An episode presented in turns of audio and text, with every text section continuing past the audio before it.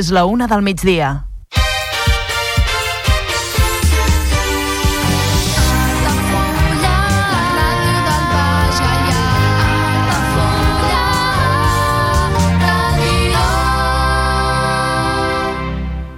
Altafulla Ràdio. Serveis informatius.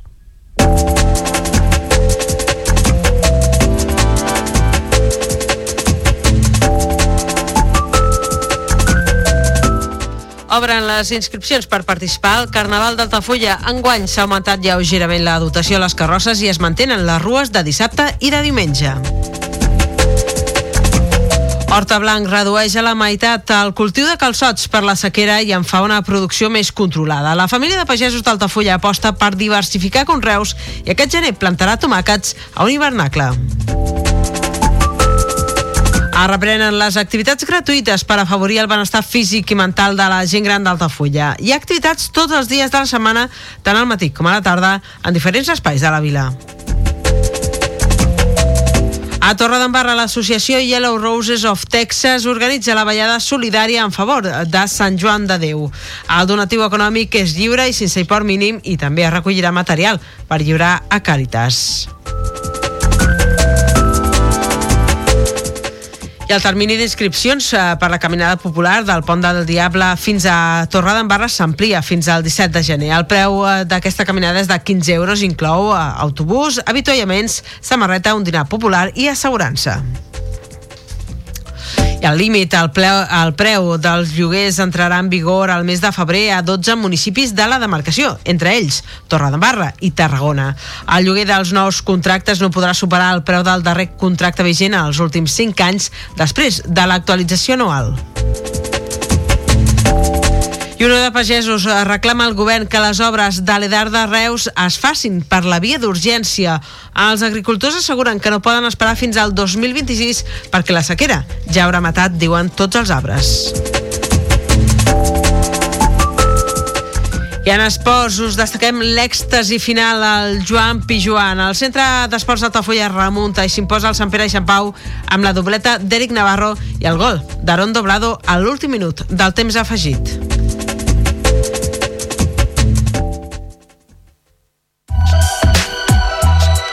Altafulla Mar Hotel. Esdeveniments familiars, comunions, batejos i casaments i reunions d'empresa. Sales privades amb llum natural, terrassa i accés al jardí, des de 10 fins a 200 assistents. Altafulla Mar Hotel, el teu espai de confiança per a les teves celebracions familiars al barri marítim d'Altafulla.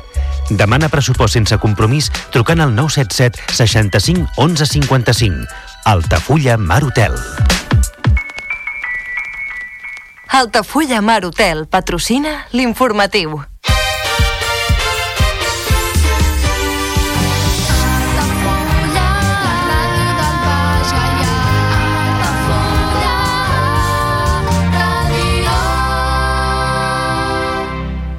Altafulla Ràdio. Notícies.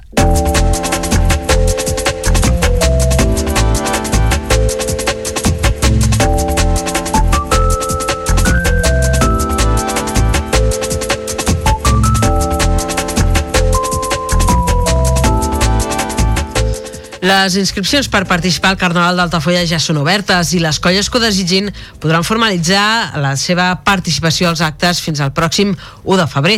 Serà aleshores quan es determinin mitjançant un sorteig les posicions de sortida de cadascun dels participants. El Carnaval d'Altafulla tindrà lloc del 8 al 14 de febrer amb les rues de dissabte 10 i diumenge 11 com a actes més destacats, si bé cal tenir en compte que la implicació de les colles a les celebracions va més enllà de les rues i seran presents també en l'arribada de Carnestoltes i també al seu comiat. Enguany es confia que el Carnaval d'Altafulla recuperi el seu caràcter vital i participatiu després que l'any passat cap de les colles habituals no prenguessin part de les celebracions per desacords amb les responsables d'organitzar-lo i tant les rues com la resta d'actes quedessin coixos. En aquest sentit, el regidor de festes, Àlex Canyes, assegura que arran de la reunió amb els diferents grups habituals de Carnaval que es va fer a finals de l'any passat, la participació serà prou important en el Carnaval d'enguany. Bé, de cara a la previsió de Carnaval eh, ja vam fer una reunió prèvia abans de festes i vam veure doncs, que, que hi havia intenció de, de diversos grups a participar i, i de recuperar el Carnaval doncs, que l'any passat eh, es va perdre. Eh, enguany hi ha una novetat i és que bueno, hi ha dos grups nous, una carrossa nova i, i un grup, eh, una comparsa nova. Val? Hem d'esperar doncs, a, a la confirmació un cop facin la, la inscripció oficial, però enguany doncs, podríem dir que tindríem una participació de cinc carrosses i dues comparses a l'espera, ja et dic, d'aquestes eh, possibles inscripcions, ja que doncs, Cadascuna de les carrosses que participin al Carnaval d'Altafulla rebran 600 euros amb un augment de la dotació de 50 euros respecte de l'any passat, mentre que les comparses en rebran 200, a més dels sacs de confeti corresponents que caldrà recollir al magatzem de la brigada dies abans. Des de l'organització del Carnaval s'insisteix en la necessitat de comptar un Carnaval lluït amb molta participació i que aquesta sigui responsable tant pel que fa a la seguretat dels diferents vehicles i estructures de les carrosses com pel que fa al consum de begudes alcohòliques al llarg de les rues. Es demana que es tingui cura d'aquest aspecte tenint en compte que el caràcter de les celebracions és eminentment familiar i que en cap cas es faci ostentació d'aquest consum i evidentment que no impliqui a menors. Hi haurà d'haver també dos membres de cada colla identificats corresponentment per respondre com a responsables davant de l'organització. A les bases de participació també es vetlla per la coherència de les rues amb l'obligatorietat de guarnir temàticament els vehicles emprats per tirar de les carrosses o els elements rodats que es facin servir per transportar confeti en el cas de les comparses. Igualment es prohibeix expressament l'ús de carretons de supermercat i es demana un mínim de 15 participants disfressats per cada grup.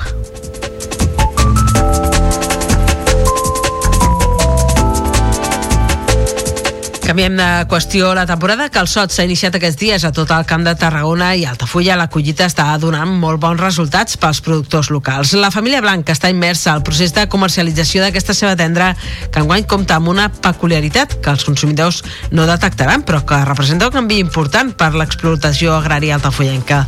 Es tracta d'un canvi de terrenys de cultiu, reduint gairebé a la meitat la producció del producte per excel·lència dels àpats familiars i d'amics a l'hivern a casa nostra. Els Blanc han traslladat la seva producció de calçots a uns terrenys més humits que han estat produint i regant-se tot l'any a diferència dels que usaven fins ara a tocar del camp de futbol i que eren més secs. Segons ha explicat en aquesta emissora, la responsable de l'horta, Laura Blanc, l'anterior bancal d'unes 6 hectàrees necessitava molta aigua i la sequera complicava que aquesta penetrés en profunditat com calia. Ara, amb una extensió menor i una terra ja treballada, l'estalvi en aigua és considerable i sense perdre pas en qualitat del producte final.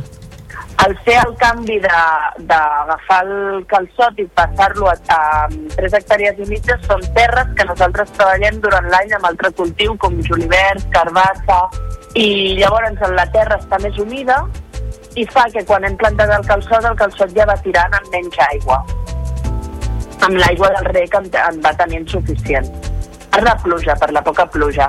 Afecta amb el calçot, a nosaltres fent aquest canvi no ens ha afectat, la, la, la qualitat del calçot és, és igual de bona, eh, i és millor perquè no hem necessitat de, no hem necessitat tanta, tanta aigua com la que necessitaven els calçots l'any passat.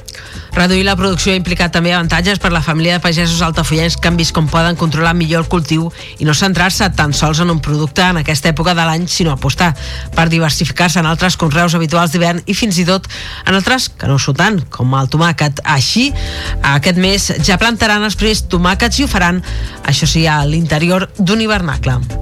Ara al gener plantem les primeres tomaqueres dins d'un hivernacle, que són les mateixes varietats que a l'exterior, però dins de l'hivernacle, perquè així està controlat les temperatures i el rec, i llavors el que fem és que al juny ja tenim tomàquet. I ara, els hivernacles, els altres que hem plantat a final de, de abans que s'acabés l'estiu, doncs encara estem collint tomàquet. Llavors el que fem és que tota la temporada hi hagi bastant cultiu de, de tot i no la temporada de calçot només se centri amb el calçot. Des d'Horta Blanc valoren el pes que té la producció i comercialització de calçots al seu negociat, però lamenten que el preu d'aquesta ceba sigui tan baix i que no sigui com es mereix, malgrat mantenir la marca de qualitat de la indicació geogràfica protegida Calçot de Valls, la IGP Calçot de Valls. Continuen volent pagar un calçot de gamma mm, bona, a gamma extra, un calçot d'IGP continua volent pagar a cèntims molt baratos. Llavors, eh, no fa falta produir tant perquè al final anem a fer el mateix. Llavors hem, optem per reduir la producció, fer un calçot més controlat i tot perfecte i vendre'l bé i guanyar-nos la vida. Més enllà de vendre els manats de calçots al Mercat de Tarragona, al supermercat Capravo o bé Mercabarna, Horta Blanc comercialitzen també els calçots a la seva botiga del carrer mossèn Miquel Amorós d'Altafulla i també els calçots eh, cuits als caps de setmana. S'espera que a partir d'aquest cap de setmana l'activitat entorn la calçotada inici la temporada forta i la producció feta enguany tingui sortida. Una producció que se situarà previsiblement al voltant de les 400.000 unitats.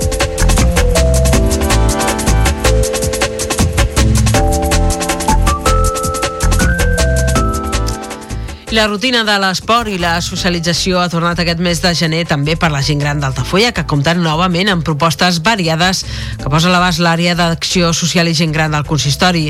Es tracta d'activitats dirigides a persones de més de 65 anys i que s'ofereixen des de l'Ajuntament d'Altafulla de manera gratuïta en diferents localitzacions de la vila, tant en l'interior com en ambients exteriors i cada dia de la setmana. D'aquesta manera, com destaca la titular de l'àrea, Eva Martínez, amb aquestes propostes es vol cobrir cada dia amb activitat al poble per la gent gran i vetllar pel seu benestar tant físic com també mental. Tindrem una graella de dilluns a divendres amb activitat física pels matins i eh, per la tarda, també de dilluns a divendres, doncs, amb activitat doncs, més a nivell de cognitiva, de treball d'exercici de la memòria, de les emocions, o a través del teatre o del ball que també ens dona aquest eh, benestar emocional. Perquè ells tinguin matí, tarda, tots els dies una activitat aquí dins del poble. Així es mantenen les activitats impulsades a l'inici del curs aquesta tardor amb la gimnàstica de manteniment que es fa en dos torns als matins de dilluns al Parc de Salut del carrer de la Cabana en horaris de 9 a 10 i també de 10 a 11. Mentrestant, a la tarda i a les 3 a Manero hi ha ball social de 4 a 5 de la tarda. També a la sala 3 a Manero, però dimarts a matí, es pot participar en una sessió de reeducació postular, postural i a la tarda és el torn del taller de benestar emocional de 4 a dos quarts de 6. Ja dimecres torna la gimnàstica de manteniment a la cabana amb el mateix sistema horari que els dilluns. I a la tarda, la sala 3 Manero acull també dos torns de taller de memòria, de 4 a dos quarts de 6 i de dos quarts de 6 a 7. Dijous és el moment de posar-se calçat còmode per caminar una mica de 8 a dos quarts de 10 del matí, tot sortint del Parc de Bonamar, mentre que a la tarda, qui ho desitgi, es pot posar a la pell d'un actor, guionista o productor de teatre per gaudir del taller de teatre social de dos quarts de 4 de la tarda a les 5, a les 3 a Manero. La setmana finalitza novament amb gimnàstica de manteniment en una sessió que aquest cop té lloc a Brises del Mar, de 9 a 10 del matí, mentre que gairebé paral·lelament es pot gaudir d'un taller de risoteràpia a les 3 a Maniró de dos quarts de 11 del matí a 12. Qui desitgi apuntar-se a les activitats pot fer-ho a través de l'adreça activitatgentgran arroba altafulla.cat o bé escriure un missatge de WhatsApp al número 689 72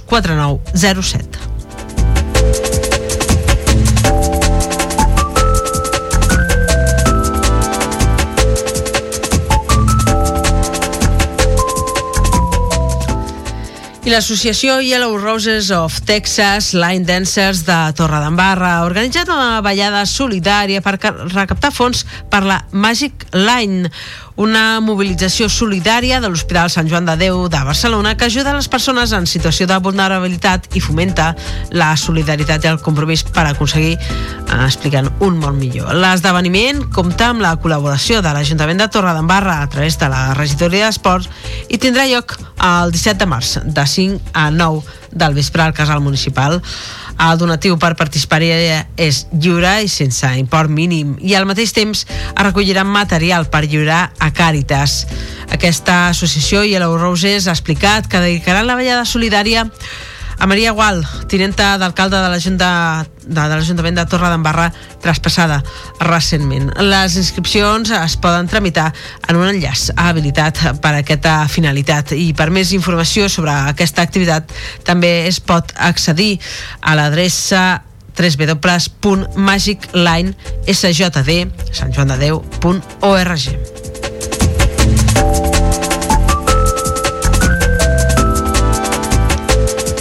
I no ens movem de Torre d'Embarra perquè el termini d'inscripcions per la caminada popular que s'ha de fer cap del Pont del Diable cap a la vila del Baix Gallà s'ha ampliat fins al 17 de gener a les 3 de la tarda. Les inscripcions amb el reglament i tota la informació estaran oberts en línia a través d'un enllaç que es pot trobar al web de, de l'Ajuntament de Torre d'Embarra. El preu per inscriure's és de 15 euros i inclou autobús, avituallaments, samarreta, un dinar popular i l'assegurança per fer aquesta uh, caminada. No es donen a terme, però, inscripcions uh, presencials.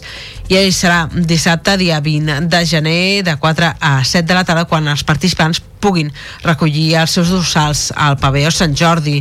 Caldrà portar el resguard d'ingrés i la inscripció. I, de, i l'endemà és el dia de la caminada i l'hora de sortida de l'autobús, que es portarà els caminants fins al Pont del Diable, serà a un quart de nou del matí, des de l'aparcament del pavelló i la marxa sortirà a les 9 puntualment des del Pont del Diable cap a Torre d'Embarra. Aquesta caminada és popular i està dirigida a tots els públics que estiguin, això sí, acostumats a caminar.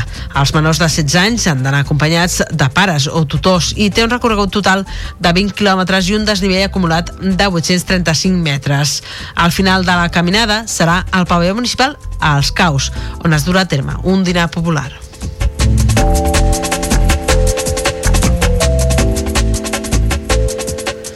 Moment ara de fer una petita pausa per la publicitat. Tornem de seguida amb més actualitat de la resta del Camp de Tarragona i també actualitat esportiva. Fins ara.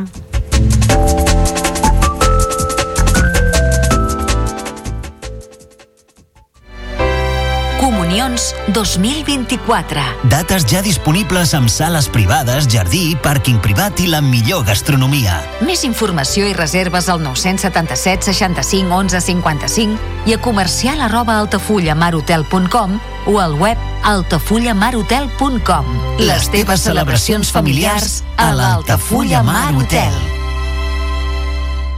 Ja coneixes les propostes que t'ofereix el Club Marítim Altafulla? Vine i descobreix totes les nostres activitats. Sortides en caiac o pa del surf, cursos de vela per a totes les edats. No t'ho perdis. Club Marítim Altafulla. Obert tot l'any i per a tothom. Al meu país la pluja no sap ploure.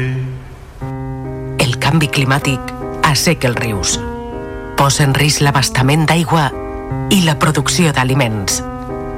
Treballem per fer front a la sequera i garantir l'aigua, però cal l'esforç de tothom. Cada gota compte. La pluja no la controles, l'aixeta sí. Generalitat de Catalunya, sempre endavant. Carrer Major, el programa de les emissores del Camp de Tarragona. Cada dia de 4 a 6 de la tarda, el que passa al Camp de Tarragona t'ho expliquem amb la major redacció d'un programa de territori quilòmetre zero. Periodisme de proximitat, continguts de qualitat, amb Anna Plaza i Toni Mateos. Carrer Major.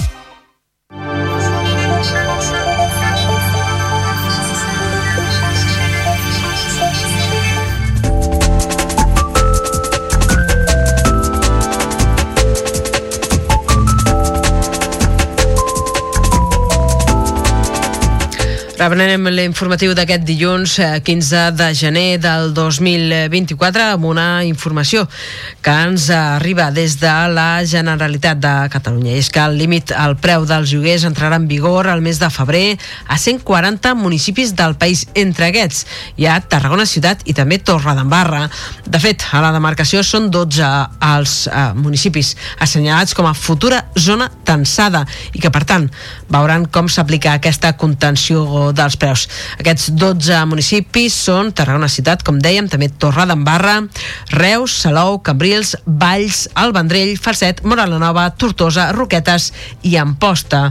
La consellera de Territori, Esther Capella, assegura que la limitació serà una realitat al mes vinent, com dèiem. Capella ha explicat que han pactat amb el govern espanyol acabar amb les setmanes vinents la feina per aprovar i publicar l'índex de preus de referència dels llogueters, dels lloguers, que s'ha d'aplicar per declarar zones tenses aquests 140 municipis assenyalats per territori. La consellera ho ha definit com una gran notícia i per nosaltres, pel govern de Catalunya, pel Departament de Territori, és una molt bona notícia, com ho és també pels ciutadans i ciutadanes de Catalunya, doncs que eh, la contenció de rendes sigui ja una realitat aquest mes de febrer el lloguer dels nous contractes no podrà superar el preu del darrer contracte vigent en els últims 5 anys després de l'actualització anual. Si es tracta d'habitatges d'un gran tenidor, una persona amb més de 10 immobles urbans d'ús residencial, el preu del lloguer tampoc podrà ser superior a l'índex de referència del preu del lloguer.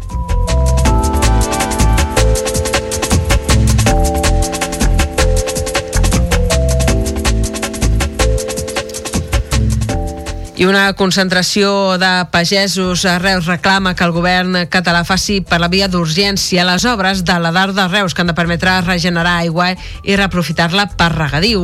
Convocats per Unió de Pagesos aquest passat divendres, els agricultors han assegurat que no poden esperar els plans d'acció climàtica per tenir llestits els treballs al 2026 perquè la sequera ja haurà acabat, diuen, amb tots els arbres i no quedaran pagesos al Camp de Tarragona. Així ho ha explicat el coordinador territorial d'Unió de Pagesos, Pere Guino Bart, en una roda de premsa. Són declaracions que ha recollit la nova ràdio de Reus. sinó que demanem una urgència al 24 eh? perquè si la declarem d'urgència encara poder, tenim possibilitats a la millor que el 24 aquesta obra la puguem tirar endavant i nosaltres no pararem fins que declari l'urgència Alhora han reclamat al consistori de Reus que renunciï a utilitzar aigua del pantà de Riu de Canyes per usos urbans en època de sequera i la deixi pels pagesos i que el municipi l'agafi de la concessió del Consorci d'Aigües de Tarragona.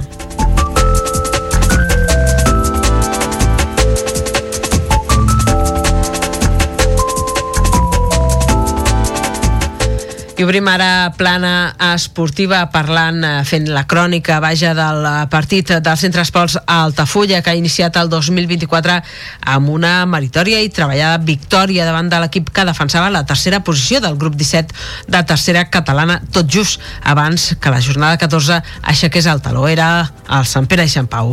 Els altafollencs han demostrat per què són tan poderosos quan juguen al Joan Pijuan i han estat capaços d'igualar dos eh, marcadors en contra per culminar la remuntada a l'últim minut del temps afegit.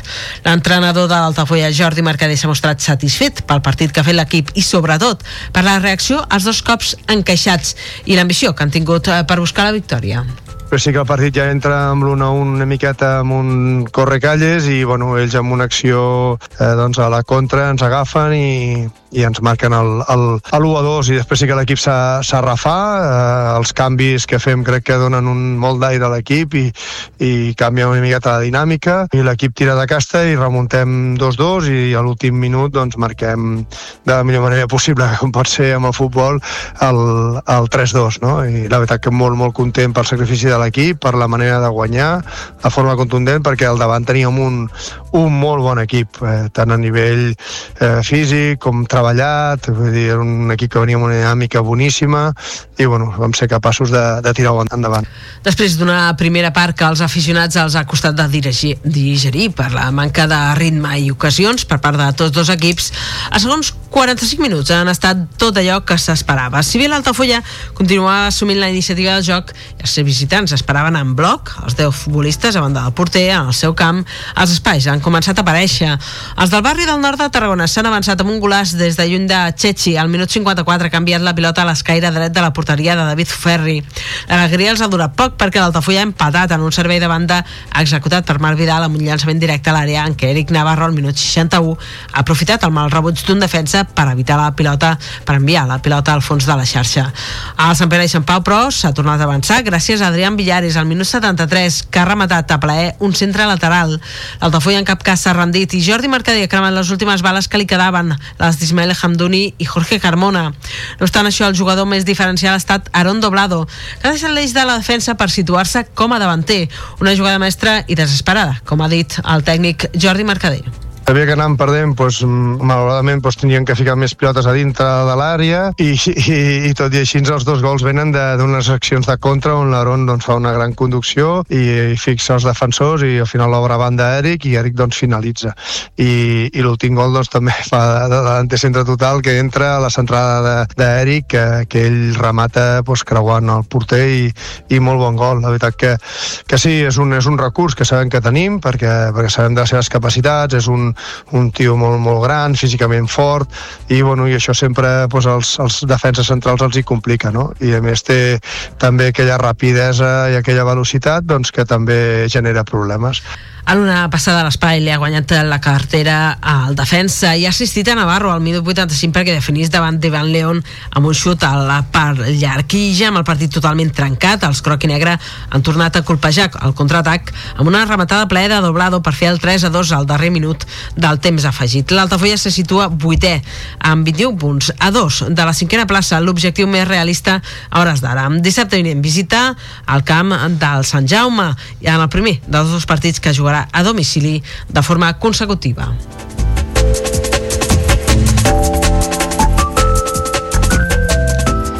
I en bàsquet, el Club Bàsquet d'Altafulla Bàsquet Baix Gallà ha estrenat el nou any amb bon peu gràcies a la victòria a la pista del bàsquet del Bosch Sub-21 amb un resultat de 57 a 94, el partit corresponent a la jornada 12 del grup 3 de segona catalana.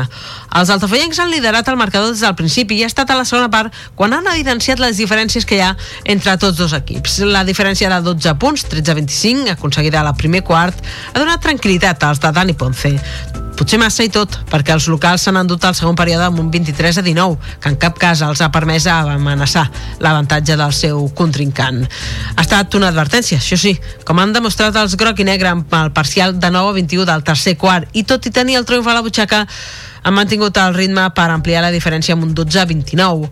Pablo Villena va ser líder anotador amb 21 punts, seguit de Roger Montaní i Mateu Puixó amb 17 i 16 respectivament.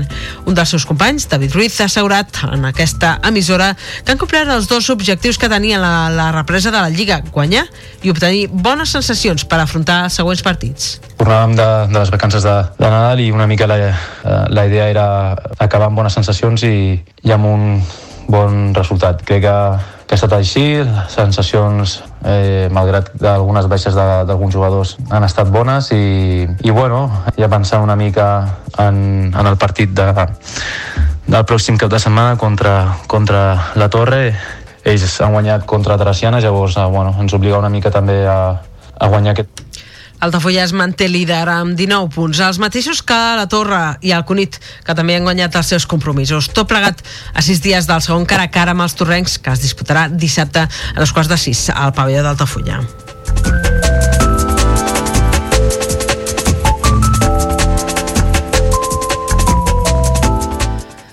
Punts eh, de la crònica esportiva del cap de setmana que ens porten a posar el punt final aquí a l'informatiu d'aquesta casa, com sempre en directe al 107.4 de la FM de la freqüència modulada. També ens heu pogut seguir a través de la televisió o bé a través de l'aplicació per Android, l'aplicació d'aquesta casa, o bé a través eh, encara més d'una de la nostra web, del nostre web www.altafullaradio.cat. Aquí també podeu recobrar podcast, la gravació d'aquest informatiu, així que ho desitgeu. Eh, igualment, el perfil d'Altafulla Ràdio a les xarxes socials, Facebook i X, eh, l'antic Twitter, està actiu per portar-vos l'última hora del que passi a casa nostra. Res més des d'aquí, des dels estudis d'Altafulla Ràdio, al carrer Marquès de Tamarit de la nostra vila. Tot l'equip que fem possible aquest programa us saluda ben cordialment, en especial una servidora qui us està parlant en aquests moments, la Carol Cubota, que us envia una forta abraçada. Ens retrobem a les pròximes edicions de l'informatiu d'aquesta casa. Que vagi molt bé el dia. A reveure. Que...